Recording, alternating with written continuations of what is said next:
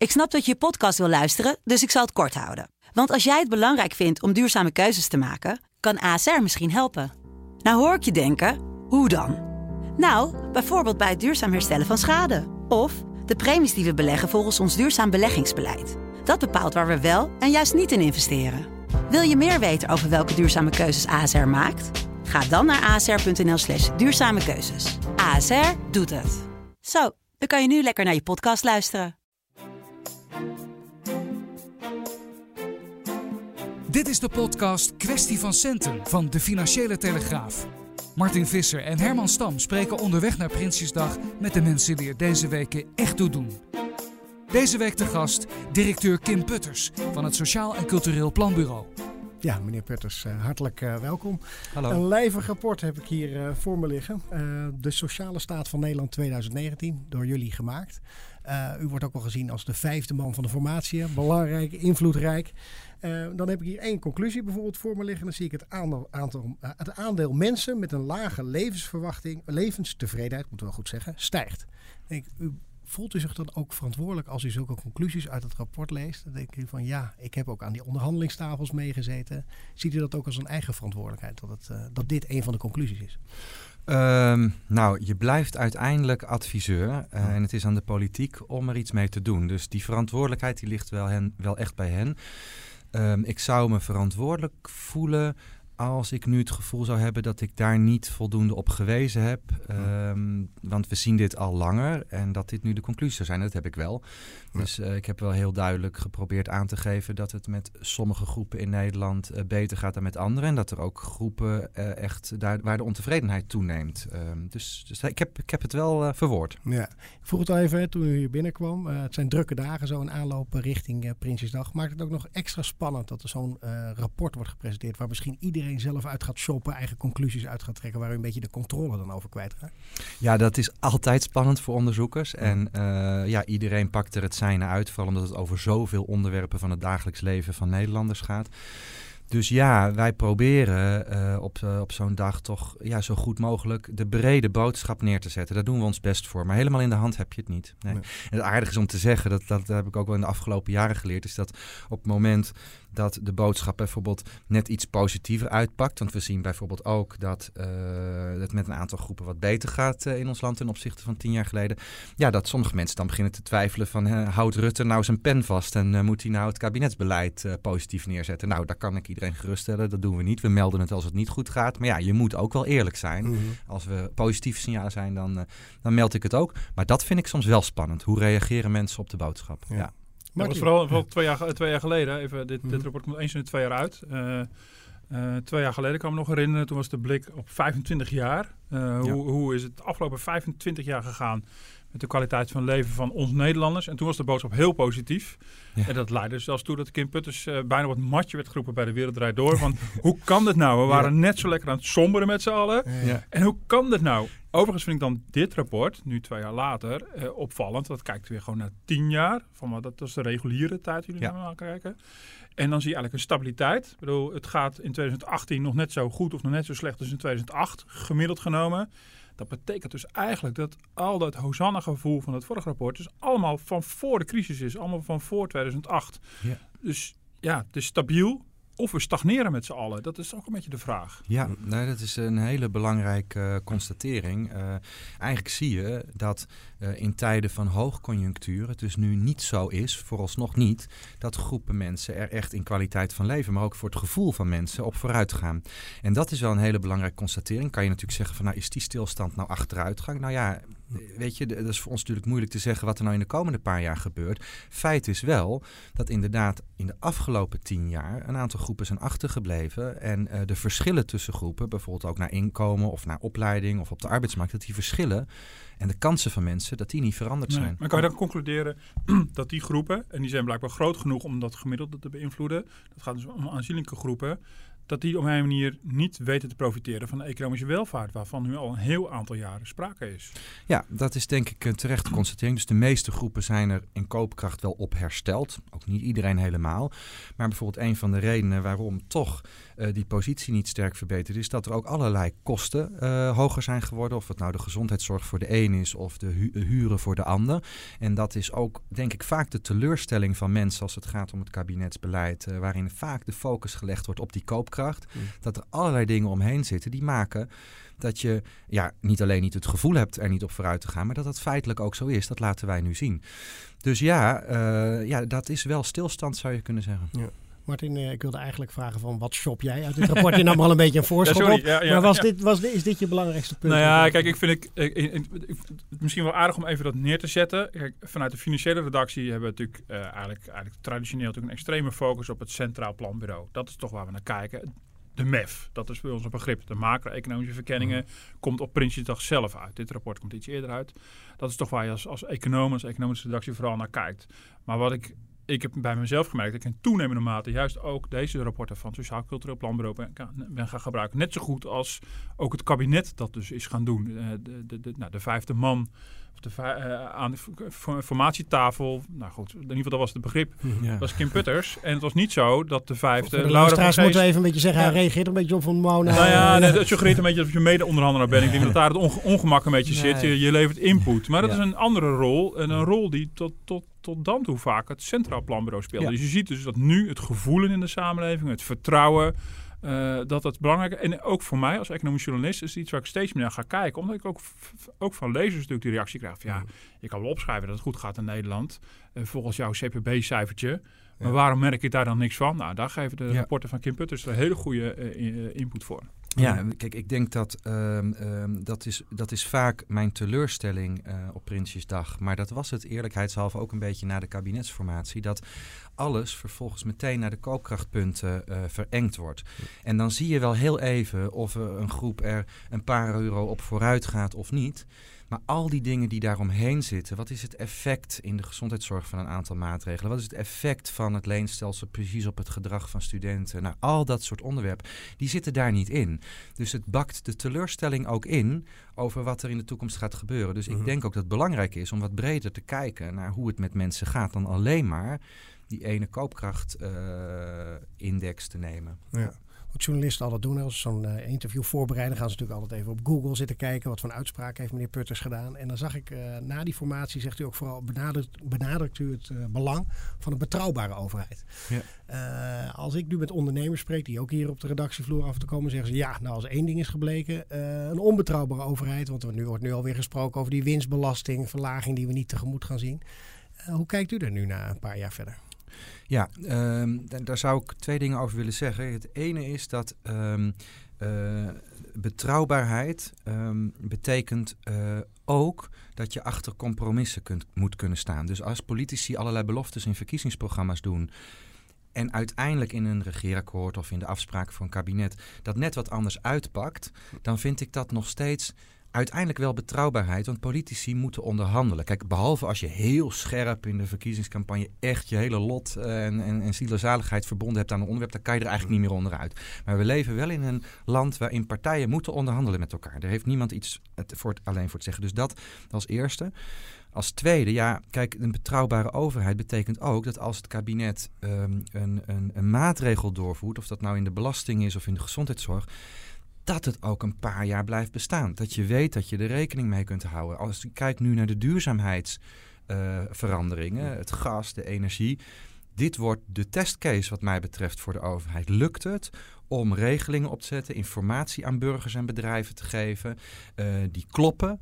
Uh, dat mensen weten waar ze aan toe zijn. Dat ze ook even de tijd krijgen om de veranderingen door te voeren in hun huis of in hun bedrijf. Hmm. Of als er over anderhalf jaar een nieuw kabinet zit, dat het er meteen weer anders moet. En dat bedoelde ik ook met een onbetrouwbare overheid. Als het iedere keer wisselt ja, dan raken mensen hun vertrouwen kwijt. En dat hmm. zie je op sommige onderwerpen gebeuren in Nederland. Het klimaat zag je natuurlijk ook wel dat de ambities uiteindelijk in het klimaatakkoord veel verder gingen dan in menig verkiezingsprogramma.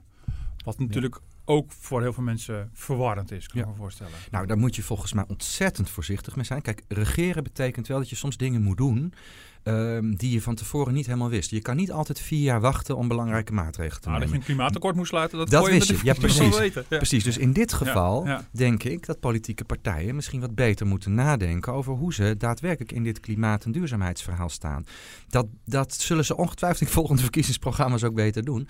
Ehm, maar uh, iets anders is dat je als je een beslissing neemt die niet in die verkiezingsprogramma stond, heb je tenminste de verplichting om dat heel duidelijk en goed uit te leggen. Dan kunnen mensen het ermee eens of mee oneens zijn, maar verantwoording afleggen hoort ook bij een betrouwbare politiek en een betrouwbare overheid. Dat kan niet anders. En wat is dan de analyse nu van hoe is, dat, bedoel, uh, hoe is het afgelopen jaar rondom het klimaatakkoord gegaan, uh, wat u betreft, met, met, vanuit deze, deze perspectief bekeken? Um, ik denk eigenlijk dat we er nog middenin zitten. Ik ben ontzettend benieuwd naar de algemene beschouwingen. Ik ben ook ontzettend benieuwd naar oktober, waarin er voor het eerst ook een, een dag in het parlement over uh, de klimaatakkoorden. Dat gaat een jaarlijkse dag worden, gesproken wordt. Want wat je eigenlijk ziet, is dat uh, ja, het allemaal nog moet gebeuren. En dat de ja. verantwoording nog afgelegd moet worden. En dat het parlement. Uh, niet onbelangrijk, daar natuurlijk ook nog over moet spreken. Kijk, er is ook in het afgelopen jaar een discussie geweest. Hè. Ik geloof ook dat uh, Klaas Dijkhoff dat, uh, dat aangezwengeld heeft. Van, ja, mogen we er als parlement ook nog iets van vinden? Mm. Nou, daar heeft hij enerzijds een punt. Dat moment is dus nu. net voor de zomer ook wel, maar dat is nu. Anderzijds heeft het parlement natuurlijk ook wel randvoorwaarden meegegeven aan de klimaattafels. Er ligt een regeerakkoord, er liggen ideeën. Dus het is ook weer niet zo dat ze er helemaal geen betrokkenheid bij hebben. Maar dit is volgens mij nu wel het moment om als parlement ook te gaan vertellen aan de kiezers: dit ligt er, dit vinden wij en dit was ons verkiezingsprogramma. In hoeverre heeft u er, heeft denk ik meegespeeld die hele misrekening rond die energierekeningen, uh, het, het, gevoel van onbetrouwbaarheid bij de Nederlandse bevolking? Ja, ja je praat hier natuurlijk tegen een planbureau, directeur, en dit ging over een collega-planbureau. Dus ik, dan, dan moet ik in ieder geval meteen zeggen dat het planbureau geen vergissing heeft begaan en geen verkeerde berekening heeft gemaakt. Mm. Uh, heel open is geweest over wat het wel en niet was. En dat de cijfers, ik meen van 2017 waren. Om redenen die allemaal uitgelegd zijn. Uh, het is het uiteindelijke departement en de politiek geweest die heeft verzuimd om daar rekening mee te houden in de manier waarop ze het beleid naar de Tweede Kamer heeft gestuurd. Er waren op dat moment, op dat punt, geen andere cijfers, want daar was bewust voor gekozen. Dat heeft ook uiteindelijk minister Wiebes toegegeven. Daar zijn zelfs door de premier excuses voor gemaakt. Uh, dus da dat in de eerste plaats. Mm. Het vergroot de betrouwbaarheid niet. Nee. Hè, dit is gewoon natuurlijk mijn antwoord van hoe het, hoe het gelopen is. Per saldo, gegoochel met cijfers. Uh, politici die excuses aan moeten bieden, uh, uh, onduidelijkheden over wat maatregelen betekenen. Nee, dat helpt natuurlijk niet om mensen en bedrijven mee te krijgen in een hm. soort flow van we gaan dit doen met elkaar. Nee. Nou, en het was natuurlijk wel van belang. Maar je kan zeggen, nou, het is een foutje, dat kan een keer gebeuren. Maar het gebeurde natuurlijk in een jaar waarin er heel veel discussie was over die koopkracht, toch weer. Ja. Dat doen we traditioneel, puntenwolken en alles. Dat vinden ze ook allemaal fantastisch. Maar in dit geval ging het ook wel ergens over. Dat ging ook over de vraag van, gaat het kabinet echt leveren wat is beloofd in het regeerakkoord? Gaan mensen echt mee profiteren? En daar is dit dan ineens een onderdeel van. Ja. In een regeerakkoord waarin vertrouwen misschien het kernwoord ongeveer is. Vandaar ook de betrokkenheid van het ja. Sociaal en Cultureel Planbureau... Om, om te blijven meten of dat vertrouwen nu ook toeneemt. Ja, hoe cruciaal is dit jaar dan geweest daarin? En ja, wel, ik denk wel echt heel belangrijk. Dus het is ook in die zin um, moeten misschien ook zowel de politiek, politiek als ook onderzoeksbureaus als de onze uh, af en toe ook iets breder kijken. Wat, doen, wat doen al die onderzoeksresultaten en wat doen al die plannen met het vertrouwen van mensen en bedrijven? Dus dat, zeg, dat geef ik ook hier heel erg toe. Wij proberen dat goed te doen. Kijk, en als ik kijk naar ons onderzoek, wij brengen ieder kwartaal vertrouwenscijfers uit, zeg maar. Ja, dan krijgen we. Nou, dat heeft, heeft twee effecten gehad, uh, de discussie over klimaat en duurzaamheid. Het ene is dat het stapsgewijs steeds hoger op de agenda komt staan. Want ik denk dat de politiek zich moet realiseren dat uh, zij er wel heel erg mee bezig zijn, maar nog steeds een heel groot deel van de samenleving het allemaal een beetje aanschouwt, maar helemaal niet zo heel erg mee bezig is. Maar stapsgewijs zien wij dat het stijgt in het probleemlijstje en in het vraaglijstje. Dus het tweede belangrijke effect wat het heeft gebracht is dat het vooral als een probleem wordt gezien. Dus ik denk dat heel veel Nederlanders nog heel moeilijk zicht hebben op welke kansen het zou kunnen bieden. Dat ondernemers het nog heel moeilijk vinden om te bedenken wat kan dit voor mijn verdienmodellen betekenen. En dat het nog heel erg in de hoek zit van het, het grote probleem van, qua inkomen en toekomst. En dat heeft dit jaar wel tot resultaat, denk ik. Ja. ja. We hebben het net even over die ontevredenheid gehad. Hè? Maar ik lees ook uh, dat gemiddeld mensen hun leven een 7,8 geven. Nou, dat zijn cijfers die ik nooit gehaald heb op school. Dus dat lijkt mij een hartstikke, hartstikke mooi cijfer. maar ik wil dat eigenlijk wat positief. En dan toch nog gelukkig zijn. Ja, precies. Heel gelukkig. maar ik was vooral benieuwd, uh, als u ook die rapporten zo bekijkt. Uh, wat ligt u er dan uit van wat heel goed gaat? Ja, kijk, uh, belangrijk is al gelijk om te zeggen dat, uh, ik zeg altijd, geen mens is gemiddeld. Dus daar moeten wij als onderzoekers ook, vind ik, altijd mee oppassen. Um, want dat betekent ook dat als je gemiddelde noemt, um, dat niet iedereen zich er zal in, zal herkennen. Mensen die zorg nodig hebben, maar het niet krijgen, die ervaren dat niet zo. En sommige mensen zijn juist veel gelukkiger. Dus dat zeg ik er meteen bij. Een gemiddelde is soms ook lastig om dat alsmaar te gebruiken. Er zitten verhalen achter. Ja, wat er heel positief gaat. Nou, er zijn verschillende dingen. We zien dat um, nou, bijvoorbeeld uh, de kansen op werk gegroeid zijn. Uh, we zien ook dat uh, opleidingsniveau niet alleen hoger, maar ook wat meer mensen om en bijscholen. Hè, want het hoeft niet altijd een hogere opleiding te zijn, maar het investeren in ontwikkelen en opleiding, dat dat toeneemt zit ook meteen weer een keerzijde aan. Want we zien bijvoorbeeld dat mensen uh, in een mbo-opleiding uh, wel aan het werk gekomen zijn in de achterliggende periode. Heb je weer die periode van tien jaar eigenlijk. Ja. Van, van waar gaat het nou goed? Nou, dat, dat, dat is ook. Ik heb dat wel eens uh, genoemd van nou pas op. Hè. Het, het, kan ook lijken als de, vloed van de, de vloek van de overvloed, al die banen. Want het zijn heel veel tijdelijke banen, flexbanen. En dat komt meer voor bij MBO'ers dan bij academici. Dus het grote risico van de crisis die door de collega's van het Centraal Planbureau of min of meer voorspeld wordt, is natuurlijk dat een groot deel van deze mensen ook weer als eerste aan de kant komt te staan. Ik heb het kabinet niet alleen bij de onderhandelingen voor het regeerakkoord, maar ook op alle tussenliggende momenten steeds uh, gezegd: investeer in van werk naar werk. Nu al. Ook al dalen de werkloosheidscijfers. Zorg voor om- en bijscholing. Zorg dat werkgevers met hun werknemers praten over hoe banen veranderen. Dat technologie betekent dat je mee moet bewegen. Mm. Ja, dat is niet overal gebeurd. Mm. Dus ik en luistert wel, het kabinet wel genoeg? Nou, ik denk wel dat men het ziet. Maar de, de, de, de, de blijheid over die dalende werkloosheidscijfers is in het Haagse dan zo groot... Ja dat het moeilijk is om al te gaan praten over wanneer het fout zal gaan. Maar dat is natuurlijk toch wel een van de functies uh, van de planbureaus om de vinger te leggen bij wat er ook aankomt. Maar hier zitten dus duidelijk ook positieve ontwikkelingen. Want dat wil ik echt niet, uh, niet meteen wegnemen. Uh, het feit dat zoveel meer mensen aan het werk gekomen zijn en ook met ontwikkelen bezig zijn, vind ik een positieve. Ja. Ja. Maar je ziet dus inderdaad die verandering op de arbeidsmarkt. Die, die begint dus ook de middengroepen te bereiken. Kan dat zo zeggen? De, ja, in, in, in verschillende analyses in de afgelopen jaren ja, wees er steeds op dat er, dat er in Nederland een aantal kloven zijn, gro groeiende kloven, uh, onder andere tussen laag en hoog opgeleiden. Uh, maar die middelbaar opgeleiden, de, de, nou, hebben we de middenklasse waar het de afgelopen tijd heel veel over gaat, bij ons in de krant ook de afgelopen heel veel over geschreven. Waar bevindt hij zich in die verschillende kloven? Ja, um, het is ook al meteen belangrijk om de middengroep in die zin te definiëren. Want je noemt nu het opleidingsniveau. Dat is ook zoals wij. Je kan ook weer naar inkomen doen. Je kan ja, op allerlei manieren. Precies. Ja, en wij ja. hebben ervoor gekozen. Uh, we hebben ook een aantal jaar geleden in onze sociale staat extra aandacht aan de middengroepen besteed. Dat is overigens interessant. Dat was in 2015. Omdat wij toen uh, ja, eigenlijk in de trend zagen, dit gaat een groot ding worden. En nu praten we erover. Dus het, nou ja, de, de, en dus nu de grote ontdekking van Bob Koestra. Ja, uh, maar, in, maar in de sociale ja. staat van 2015 hebben we er de, de, vinger bij gelegd. En niet alleen als het gaat om inkomen, misschien komen we er zo nog even op. Op allerlei terreinen zien we dat middengroepen zich zorgen maken. Uh, maar je kunt er, wij, wij nemen opleidingsniveau als ankerpunt, omdat dat eigenlijk het meest vaak een verbinding heeft met wat mensen verdienen, uh, hoe mensen in het leven staan. Dus die, dat is een wat logischer, maar je kan er ook anders naar kijken. Maar als je daar dan naar kijkt, dan zie je dat een deel van die middengroep um, ja, een lagere levenstevredenheid is gaan ervaren in de afgelopen tien jaar. Dat schrijven we nu ook. Het maakt nog wel uit. Kijk, je hebt zeg maar de bovenkant van de middengroep en de onderkant van de middengroep. En die onderkant, dat zit wat meer in, in, in zeg maar in de MBO uh, 2, 3, 4. De bovenkant wat meer al hè, richting het HBO, zou ik maar zeggen. Dus daar maakt, dat maakt verschil. En je ziet dat met name die onderkant minder levenstevredenheid ervaart. Uh, in koopkracht redelijk stabiel is gebleven. Maar ook hier kun je dan weer de vraag stellen wat betekent dat, hè, die stilstand? Uh, we, we, zien ook terug dat er wat vaker in deze groepen zorgen zijn over bijvoorbeeld veiligheid. Uh, dat is ook wel weer verklaarbaar. Want je moet je indenken dat dit ook vaak mensen zijn in de spitsuur van het leven, een gezin, uh, beide werk.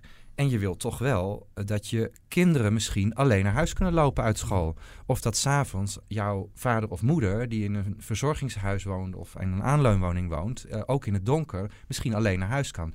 Dus Mensen die ook in minder veilige buurten wonen misschien? Of maar is dat, ja... Um, ja, ook dat verschilt wel. Mhm. Maar de zorg over die veiligheid is eigenlijk mhm. in die groepen heel groot. En dat, dat snap ik wel. Dus het heeft niet alleen maar met die omstandigheden te maken, ook vaak inderdaad uh, de, de veiligheid die er feitelijk in de buurt is. Want het gevoel is één ding en de feiten is een ander ding. En natuurlijk zie je dat er, ja, er verschillen zijn in de buurt waar mensen wonen. We zien overigens dat er ook vaak de problemen zich stapelen. Dus niet alleen de middengroepen, maar je ziet ook dat sommige wijken uh, ja, eerder uh, een asielzoekerscentrum geplaatst wordt dan in andere. Mm. En dat zijn vaak de wijken waar mensen al veel zorgen hebben, uh, allerlei problematieken aan de hand zijn, criminaliteit. Dus je ziet wel dat soms de problemen zich stapelen. Dat is niet alleen maar bij de middengroepen, maar dat zie ik wel. Ja.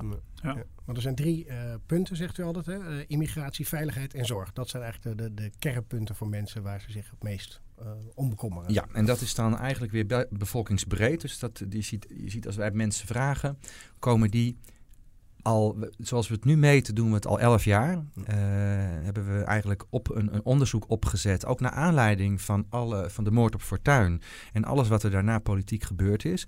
Heeft het SCP gemeend om dichter bij de gevoelens. En bij dat wat bij mensen leeft te komen. Nog dichter dan we al zaten. Um, en dat doen we denk ik nu ook beter dan daarvoor. En dan komen deze onderwerpen, zorg, immigratie. Dat zijn de grote zorgen van mensen. ja. ja. Nu levert u eigenlijk een soort eh, foto aan, ook aan het kabinet, waarmee ze kunnen zien van zo staat de samenleving uh, ervoor. Maar wat verwacht u dan precies eigenlijk uh, tijdens Prinsjesdag? Wat moet er nou komen om meer van die zorgen weg te halen? Ja, ik, dat is een heel goed punt. Kijk, mijn, mijn allereerste advies zou zijn, um, heb ik trouwens ook bij de formatie wel als suggestie meegegeven. Dat zou al zijn om om de troonrede eens anders te doen. Kijk, nog, nog, wel eh, door die man met de baard? De ja, ja, ja, ja, zeker. Ja, nee, ja, je, misschien heeft u nu al geen baard meer. Nee, nee, nee, en ik zit in het bestuur van het Oranje Fonds, dus je, je hoort mij niet zeggen dat ik, uh, dat, ik, dat ik van de koning af wil. Um, nee, uh, nee, maar heel serieus. Kijk, er spelen een aantal hele grote vraagstukken in Nederland. De samenleving verandert. Uh, noemde ze net zelf migratie, dus gewoonweg hoe gaan we met elkaar om met in, in dit land, hoe divers zijn we, hm. maar ook die duurzaamheid wie maakt dat mee? Eh, wat moet er allemaal gebeuren? Eh, de grote verschillen die er op het gebied van inkomen en arbeid eh, in de loop der jaren zijn gekomen, daar maken Nederlanders zich ook heel druk om. Dus zo zou je nou een vier, vijf grote veranderingen van onze samenleving kunnen benoemen en mensen daarin mee kunnen nemen. En nou ja, ik weet niet of het per se de troonrede moet zijn, maar ik verwacht eigenlijk wel van de politiek om niet alleen maar over die losse beleidsmaatregelen te praten, waar we toch wel over gaan steggelen en wat dat allemaal betekent in euro's en zo, maar om ons ook duidelijk te maken waar we naartoe gaan.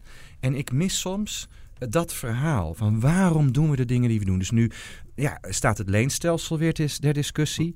Ja, zijn dan al die argumenten waar we de studenten van de afgelopen jaren mee in het lenen hebben gestuurd, zijn die dan ineens weg of niet?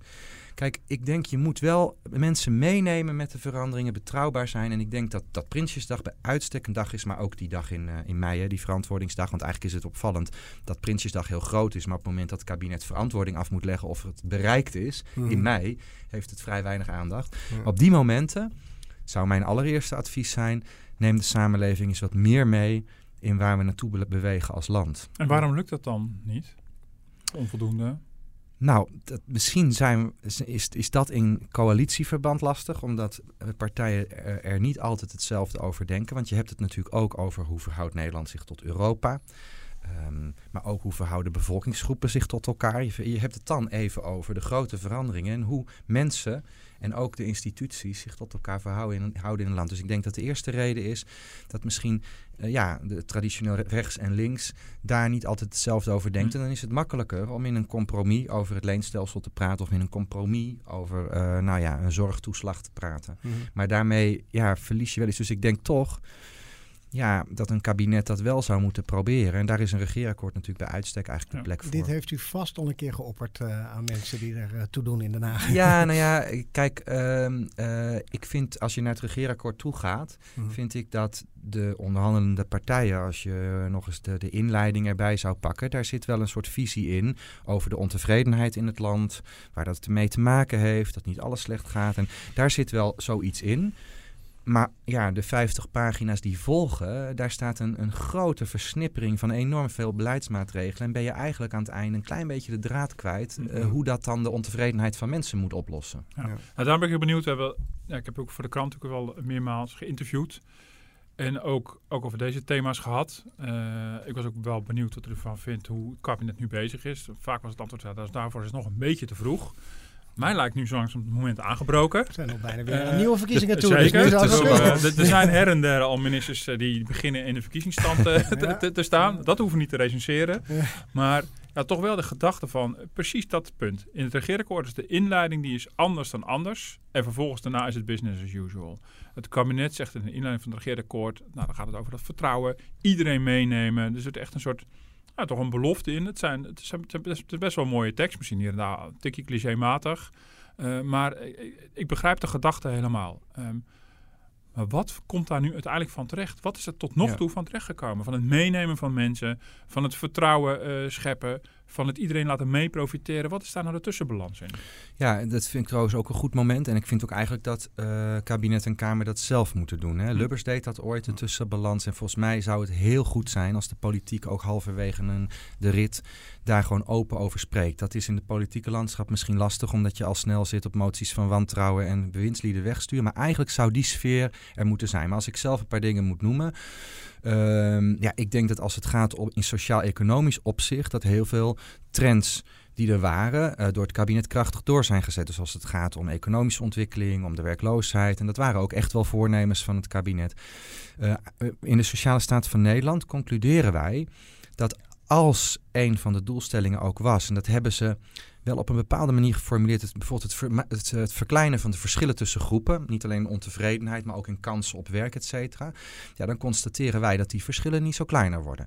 Uh, ik geloof dat het het kabinet daarvoor was dat het letterlijk formuleerde als uh, we willen de verschillen kleiner maken. En dit kabinet formuleerde het als volgt, namelijk dat er wel verschillen mogen zijn, maar dat de tegenstellingen niet zouden moeten toenemen. Nou ja, we zien toch op een aantal fronten dat mensen tegenover elkaar komen te staan. Of in ieder geval dat het gevoel is dat de een er veel meer op vooruit gaat dan de ander. Je ziet dat Nederlanders nog steeds, zien we ook in recent onderzoek, um, dat Nederlanders zich zorgen maken over die toenemende verschillen, bijvoorbeeld in inkomen. Dat is niet links of rechts, maar wat mensen zien, is dat vooral aan de top de verbetering veel meer is dan jij zelf ervaart in je portemonnee. Dus je gaat er misschien niet op achteruit, maar wel ten opzichte van diegenen die alsmaar meer krijgen. En dat irriteert mensen. Nou, dat is niet afgenomen, dat gevoel. Uh, en als je nog bijvoorbeeld kijkt naar een aantal groepen. Uh, nou, wat ik eigenlijk wel interessant vind om, om in, het antwoord mee te nemen, is bijvoorbeeld de decentralisaties in het sociaal domein. Um, nou, als het gaat om mensen met een arbeidsbeperking op de arbeidsmarkt. We komen nog later dit jaar met onze evaluatie van de participatiewet. Maar we zagen dat WSW'ers niet meer maar minder aan het werk kwamen. Dat was niet het doel van de wet. Is misschien wel door een vorig kabinet aangenomen, maar ook het doel van dit kabinet. Ja. Omdat, waren mensen uit de traditionele sociale werkvoorziening. Ja, precies. Uh, nou, wij, wij zijn nog bezig met te kijken hoe in de breedte uh, het mensen met arbeidsbeperkingen, uh, hoe dat daar nu voor staat. Maar ik denk ook dat bijvoorbeeld als het gaat om de zorg, er gaat heel veel goed in de zorg gelukkig. Maar uh, mensen begrijpen de regelingen soms niet. Ik zie steeds vaker in ons onderzoek dat mensen de wirwar, ik bedoel, dan moet je bij het gemeenteloket zijn en die wijs je naar de verzekeraar. En de verzekeraar wijst je ondertussen naar de, de instelling toe waar, waar je zorg moet krijgen. En ergens onderweg ben je ieder vertrouwen verloren en heb je het gevoel dat je de boot gemist hebt en niet de zorg krijgt. Nou, er wordt hard aan gewerkt. Maar dat zie ik nog niet afnemen. Dus als het om, over vertrouwen gaat een aantal van dit soort grote zorgen van mensen, dan is er echt nog wel wat uh, werk aan de winkel. Ja, en dat is precies de, de, reden dat u vaak aanschoof om input te leveren. Ja. ja, dus ben je dan wel serieus genomen, zou dan je vraag uh, kunnen zijn. Mm, ja, uh, volgens mij spelen hier ook een paar wat grotere problemen. Um, ik vind dat het beleid niet altijd goed op uitvoerbaarheid wordt door, doordacht. En dat, dat is een vrij saai onderwerp, want politici praten graag over wat ze allemaal willen bereiken en niet zo graag over of het eigenlijk allemaal wel kan. Maar dat is een enorm risico. Dus ik, heb, ik zie te vaak, ook in de achterliggende jaren, dat er dan maar aangenomen wordt dat burgers wel dit gaan doen of bedrijven dat gaan doen. Ik denk dat ook voor het klimaatbeleid dit, dit echt ontzettend belangrijk is in de komende paar jaar dat we beleid maken wat mensen begrijpen mm. weten waar ze de informatie vandaan moeten halen. En dat zie ik niet altijd goed gaan. Neem bijvoorbeeld gezondheidszorg. Uh, een van de doelstellingen is om mensen die echt zorg nodig hebben, cliëntondersteuning te geven aan de keukentafel. Want ja, je moet het maar doen. Hè? Je bent een oudere die hulp nodig heeft. Daar zit er iemand tegenover je die het geld verdeelt en die alle verstand van de zorg heeft. En misschien heb je niet eens iemand die jou kan helpen. Maar in de wet is het netjes geregeld. Daar kun je gewoon ondersteuning voor krijgen. Maar niemand weet het. Verwijzers weten het niet. Dus dat is een soort bijna stilzwijgend wetsartikel. Hm. Dat gaat dus niet goed. Nou, dat weet de minister, die probeert erop bij te sturen. Maar dit zijn allemaal voorbeeldjes die wel in het dagelijks leven van mensen alles bepalend zijn voor hoe jij je dag doorkomt. Nou, ik vind dat dat niet goed genoeg gaat. Hm. Nou, irriteert het dan ook niet meer dat het lijkt, we komen weer in richting een verkiezingsjaar, dat het dan opeens lijkt van daar is het luisterend oor van de politicus wel. Van oh, nu uh, begrijp ik u en uiteindelijk wordt het weer niet uitgevoerd. Heeft dat ook voedt dat nog extra irritatie, denkt u, bij de bevolking? Ook bij de bevolking, dacht bij mij. Ja, misschien ook wel bij Misschien wel bij persoonlijk. Nou, persoonlijk minder, omdat ik wel echt... Ik zie ook echt heel veel welwillendheid in de politieke arena. En ik word er vaak bijgevraagd. En ik blijf gewoon proberen mee te denken. Uh, de politiek zit veel te vaak vast in de structuren. Hè, dus ja, er worden allemaal maar moties ingetiend en dit en dat. Maar ja, uiteindelijk gaat het erom dat beleid in de praktijk werkt. Dus luister eens wat meer naar mensen. Ga eens wat meer eerst naar de praktijk kijken voordat het in een wet ondergebracht wordt. Weet je, dat soort dingen. Mm. Maar daar is vaak de tijd niet voor. Dus politiek zit vaak gevangen in de tijdsklem van die paar jaar en in dat de politieke punten gemaakt moeten worden. En dat, ja, dat irriteert mij soms wel, omdat ik zie dat het eigenlijk beter kan. In de samenleving, uiteindelijk is het een boemerang. Hè? Mm. Want uh, ja, als je iets belooft en het in de praktijk niet werkt, ja, dan, dan sta je eigenlijk op 3-0 achterstand uh, bij burgers. Dus ja, ik denk dan altijd, je kunt beter aan de voorkant ja, uh, iets realistischer zijn, uh, zeggen wat er wel en niet kan en dan hopelijk echt iets realiseren voor mensen. Dus ja, de, ik, maar Kijk, heel veel mensen, misschien staat het ter relativering. Uh, heel veel mensen zijn niet de hele dag met beleid en de politiek bezig. Maar die hebben een gezin, een straat, een buurt. Dus er zijn ook nog heel veel andere dingen waardoor mensen zich al dan niet gelukkig en tevreden voelen. Maar het cynisme over de politiek is natuurlijk wel aanwezig. Bent u dan ook blij? Want u bent natuurlijk lang uh, Eerste Kamerlid geweest voor de PvdA. Dat u daar dan juist geen deel meer uh, van uitmaakt? Soms wel. Ja. kijk, ik vond het prachtig werk. vooral ook omdat de Eerste Kamer toen iets meer afstand stond uh, van al die hectiek van alle dag. De Eerste Kamer in de periode die ik in zat, ervaarde ik wat meer als nou, toch op afstand nadenken van kan dit allemaal wel? Dus ook dit punt van uitvoerbaarheid. Gaat dit werken? Gaan bedrijven hiermee uit de voeten kunnen? Zijn het niet te veel regels? Dat deden wij. Uh, de Eerste Kamer van nu lijkt wel wat politieker geworden. En daar zou ik op dit moment ook nog niet in willen zitten. Mm. Um, en ja, het, ik heb nu het gevoel dat ik met al het onderzoek meer kan bereiken dan dat ik uh, destijds in de Kamer kon bereiken. In termen van het wat mensen belangrijk vinden, ook op de agenda meezetten. Uh, ja. En voor uw eigen partij, de PvdA, is het niet heel slecht als dit kabinetsbeleid toch niet zo heel goed bevalt. Want het uh, vergroot wel kansen voor de volgende verkiezing. Ja, kijk, u vraagt het aan mij. ik sta op het standpunt dat ik vind dat mensen in het land iets moeten merken van wat de politiek doet. En dat hun zorg serieus genomen worden. Ja, de politieke dynamiek kan er één zijn dat de een blij is als de ander valt. Ja, de, ja ik ben misschien in, in dat opzicht uh, iets saaier dat ik denk... Eh, politiek is niet alleen maar een strijdtoneel van fractievoorzitters die elkaar uh, de loef afsteken, maar je moet iets bereiken voor mensen. Hm. Mag ik nog een keer terug naar de middenklasse? Nou, uh, ook meer nu in de, niet in de, in de inkomenssfeer of arbeidsmarkt, maar ook gewoon meer in de politieke zin. Hm. Als je constateert dat het vertrouwen uh, in de Nederlandse bevolking richting politiek niet toeneemt, het cynisme groeit. Als je constateert dat middengroepen misschien wel gaandeweg de nadelen beginnen te ondervinden waar laag opgeleiden al veel langer mee te maken hebben. Um, hoe, um, ik zit te kijken hoe je dat formuleert, maar hoe, hoe wezenlijk is het, hoe, hoe, hoe gevaarlijk dus aanhalingstekens, dat op een gegeven moment ook de politiek uh, het draagvlak van zo'n belangrijke groep aan het verliezen is? Of praat ik dan in te grote termen? Of? Nou, het is, uh, kijk, het is, het is echt wel ingewikkeld, omdat wij in deze sociale staat eigenlijk ook constateren, is dat er is wel een ver, verband tussen laag inkomen of uh, middeninkomen, uh, of je wel en niet zorg krijgt, et cetera, en opvattingen over politiek en samenleving, maar niet één op één. Dus wij, zien, hmm. wij zien dat ook als je een hoog inkomen hebt of uh, een betere baan hebt, dan komt daar ook ontevredenheid Mhm. voor. Dus, het is, dus daarmee maakt het het voor de politiek soms lastig. Want je kan wel vol inzetten op betere arbeidsmarktpositie voor bepaalde groepen.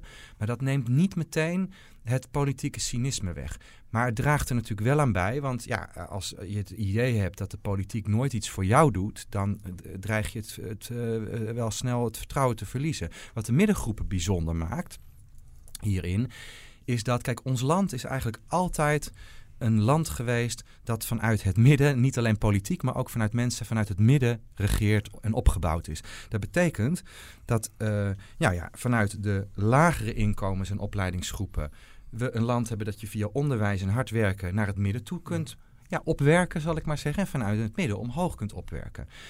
Dat mechanisme is steeds minder vaak aan de orde. Dus je merkt dat de middengroepen eerder aan het ervaren zijn dat als ze ergens de boot missen van een opleiding of een contract of iets anders, dat dan de weg naar beneden eerder aan de orde zal zijn dan de weg naar boven. En als dat in ons land toeneemt, dan ben ik er wel van overtuigd dat het vertrouwen in de politiek en in de instituties afneemt. Want onze instituties zijn zo opgebouwd dat de opwaartse mobiliteit, zodat je perspectief naar de toekomst hebt, ook al kom je uit een huishouden waarin je ouders niet gestudeerd hebben, dat je bijvoorbeeld door wat te leren wel iets kunt Maar bereiken. dat is wel ernstig. Dat is een. En die waarschuwing, ja, die zit ook zeker eh, onder de studies Hmm. die wij maken. Eh, ja, met een ingewikkeld woord, die meritocratie. Hè? Dus dat betekent van, nou, door hard leren en eigen prestatie eh, kun je je opwerken. Dat kan nog steeds in Nederland, dus ik wil ook echt niet zeggen dat dat weg is. Maar we zien wel dat dat onder druk staat. En dat voelen met name ook die middengroepen. Kijk, wat ik vond interessant in eerdere onderzoeken bleek bijvoorbeeld eh, dat er een heel groot verschil was in de steun voor het referendum tussen laag en hoogopgeleiden. Weet ik me te herinneren. Dat na het Oekraïne-referendum vooral de steun onder hoogopgeleiden totaal is weggevallen. Klopt, ja. Maar laagopgeleiden enorm vertrouwen nog hadden in het referendum als een soort noodrem. Dus zo, zo Ja. kan je het vertalen. Dat er onder bepaalde bevolkingsgroepen een enorm behoefte was van we willen op de rem kunnen trappen als het nodig is. Ja. Ja, als dat soort mechanismen zich natuurlijk eh, ook gaan uitbreiden en verschuiven ook naar grote middengroepen. Het cynisme richting de Europese Unie bijvoorbeeld. Dus als je dus ziet dat het vertrouwen in het politieke stelsel bij steeds grotere groepen van Nederland ehm, erodeert, dan heb je natuurlijk wel een probleem als politiek. Ja, ik zie dit als soort van onderstroom echt als een probleem. Eh, onze onderzoekers zeggen mij dan ook altijd meteen van... nou, kijk ook even iets verder terug in de geschiedenis. Want je ziet dat eigenlijk het gemopper op de politiek en het cynisme... sinds de jaren 70 met wat pieken en dalen... iedere keer wel rondom hetzelfde percentage ziet. In onze Hmm. kwartaalberichten zien we ook het vertrouwen in de politiek. En in de regering is lager dan in ondernemingen, vakbonden, andere instellingen... maar vrij stabiel, altijd zo nou ja, tussen de 35 en 50 procent.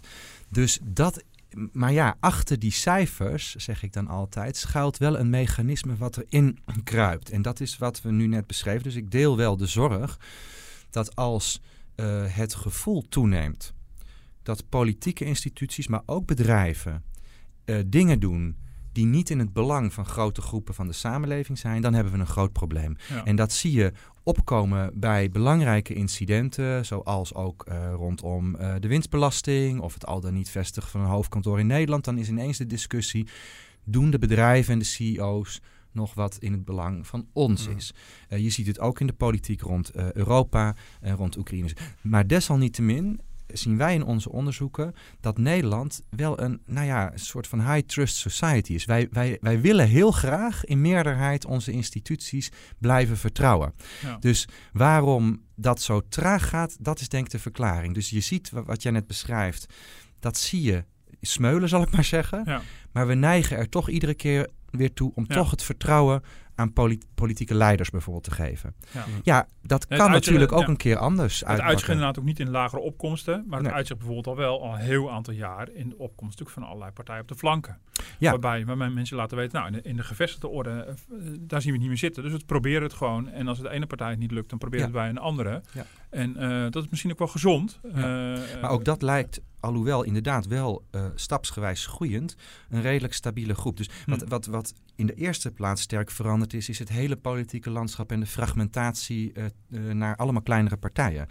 Maar ook de partijen die ook mee be- bewegen en, en, en aanspreken bij mensen, omdat ze die ontevredenheid eh, een, een plek geven. Mhm. Ehm, als je gaat kijken naar de omvang van deze partijen en bijvoorbeeld het politieke landschap van 20 jaar geleden, dan, dan zouden dat niet de grote regeringspartijen zijn van dat moment. En door de tijd heen is bij elkaar opgeteld. Het is wel gegroeid, maar je moet het wel blijven zien in het feit dat het hele politieke landschap en dat ze daarmee nu tot de grootste partijen behoren. Dat wel. En daarmee is het een factor van belang. Maar het is dus niet automatisch zo dat daarmee de meerderheid van de Nederlandse bevolking op die partijen stemt. Hm. Ja, ik zat zelf nog heel erg te denken ook over de, dat American Dream verhaal wat u vertelde. Ik heb een tijdje correspondent natuurlijk in Amerika geweest, waar ook heel veel mensen dat voorgespiegeld werden, maar niet haalbaar was. Ik dacht ook van voor de Nederlandse maatschappij, als je ook die generatie nu onder ons ziet, waar ze allemaal uh, beroemde vloggers willen worden of weet ik veel allemaal wat. Maar van hoe haalbaar is het eigenlijk als je maar kan blijven doorgroeien, ook voor een maatschappij zoals Nederland? Dat, uh, we, ik heb er heel veel twijfels ook over als je dus met recessieangsten weer ziet van hoe realistisch dat beeld is eigenlijk, wat je kan geven aan mensen. De, terecht punt. Kijk, de onzekerheid die is groot. Want, want als we ook kijken naar de groepen waarvan wij nu zien dat die een lagere uh, levenstevredenheid ervaren, dan is dat deels feitelijk omdat ze nou, of hun eigen positie slechter is geworden of dat ze zien dat anderen het beter krijgen. Maar voor een groot deel is het ook de onzekerheid van wat komt op ons af. Dus je ziet ook dat mensen conceptieve bestedingen achterwege laten op het moment. Omdat ze denken, ja, ik weet het niet helemaal. Dus een deel van die ontevredenheid zit ook in onzekerheid. En dan kom je inderdaad op de vraag, wat is realistisch? Hmm. Uh, hier heb ik uh, ook met onze onderzoekers een heel gesprek over gehad, omdat ik wilde weten wat betekent het nu dat de kwaliteit van leven in die, die tien jaar niet echt is uh, toegenomen. en of bijvoorbeeld de afgelopen paar jaar de levensverwachting ook stabiel is, niet toeneemt. Nou, dat zien we in de geschiedenis wel vaker. Um, maar het betekent wel dat er twijfel is. En dat, kijk, de levensverwachting, het RIVM geeft aan, we verwachten dat die echt nog wel verder zal stijgen weer in de komende jaren. Um, maar uh, inkomen, uh, een baan, et cetera, zoveel onzekerheden eromheen dat je gelijk hebt van ja of jouw kinderen het nog even goed kan krijgen als jij. Tegelijkertijd aarzel ik bij dat deprimerende verhaal, omdat je ziet, je noemt de vloggers. Je ziet dat er hele nieuwe verdienmodellen ontstaan. Mensen op een andere manier status en positie in de samenleving verkrijgen. Dat moeten we denk ik niet onderschatten. Ik heb lange tijd ook vloggers niet gevolgd, maar ik ben het nu toch wel mm. echt aan het doen. Want dat zijn, nou ja, u hebt mij hier zitten. Maar uh, ja, over tien jaar is dat misschien wel een vlogger uh, die voor het kabinet belangrijker is dan de directeur van het SCP. Dus er veranderen ook dingen waardoor ook de jongere generatie uh, weer positie kan versterken. Maar goed, um, onder andere de Sociaal-Economische Raad, het Jongerenplatform, heeft, uh, heeft ook uh, onlangs een rapport uitgebracht waarbij ze heel mooi de jongeren zelf laten zien hoe de stapeling van onzekerheid uitpakt. In het later een gezin beginnen, uh, het later aan een hypotheek voor een huis toekomen, schulden opbouwen. Is dat reëel? Want je hoort mensen zeggen, ja, die millennials zijn gewoon verwende nesten. Um, nee, de, de, er zit deels wel, deels niet. Kijk, de onzekerheid is wel groter. Dus uh, ook andere ge oudere generaties moesten vroeger ook uh, van alles tegelijkertijd doen, et Maar het feit dat je nu studeren, leren, uh, naast je studie veel meer dingen doen, niet zekerheid hebben dat dat diploma dan ook enige garantie op een baan biedt, et cetera. Dat zijn wel echt grotere onzekerheden dan ze vroeger waren. Um, en het feit dat de omgeving zo snel verandert. En we continu maar aan het communiceren zijn met iedereen. De technologische vernieuwingen heel snel gaan. Dus het gevoel erbij te moeten zijn. Alsmaar aan te moeten staan, als ik het zo uh, mag zeggen. Dat is veel groter dan dat dat vroeger was. Maar de relativering daarvan is, ja, uh, ik denk dat we allemaal ook uh, de, wel eens zorgen hebben gehad over: kan ik die hypotheek wel betalen voor mijn huis? Bouw ik geen schuld op? Moet ik wel een gezin beginnen? Dus dat is wel natuurlijk van alle tijden. ja. We gaan er helaas mee stoppen. Het is, de tijd is alweer uh, voorbij. Ik uh, dank u hartelijk. In uh, deze drukke tijd veel sterkte gewenst. Want het zal nog wel eventjes druk zijn. Martin, ook bedankt. Ik vertel de luisteraars erbij dat u ons ook kan beluisteren op iTunes of op Spotify. En u kunt e-mail sturen naar podcast.dft.nl. Tot de volgende keer.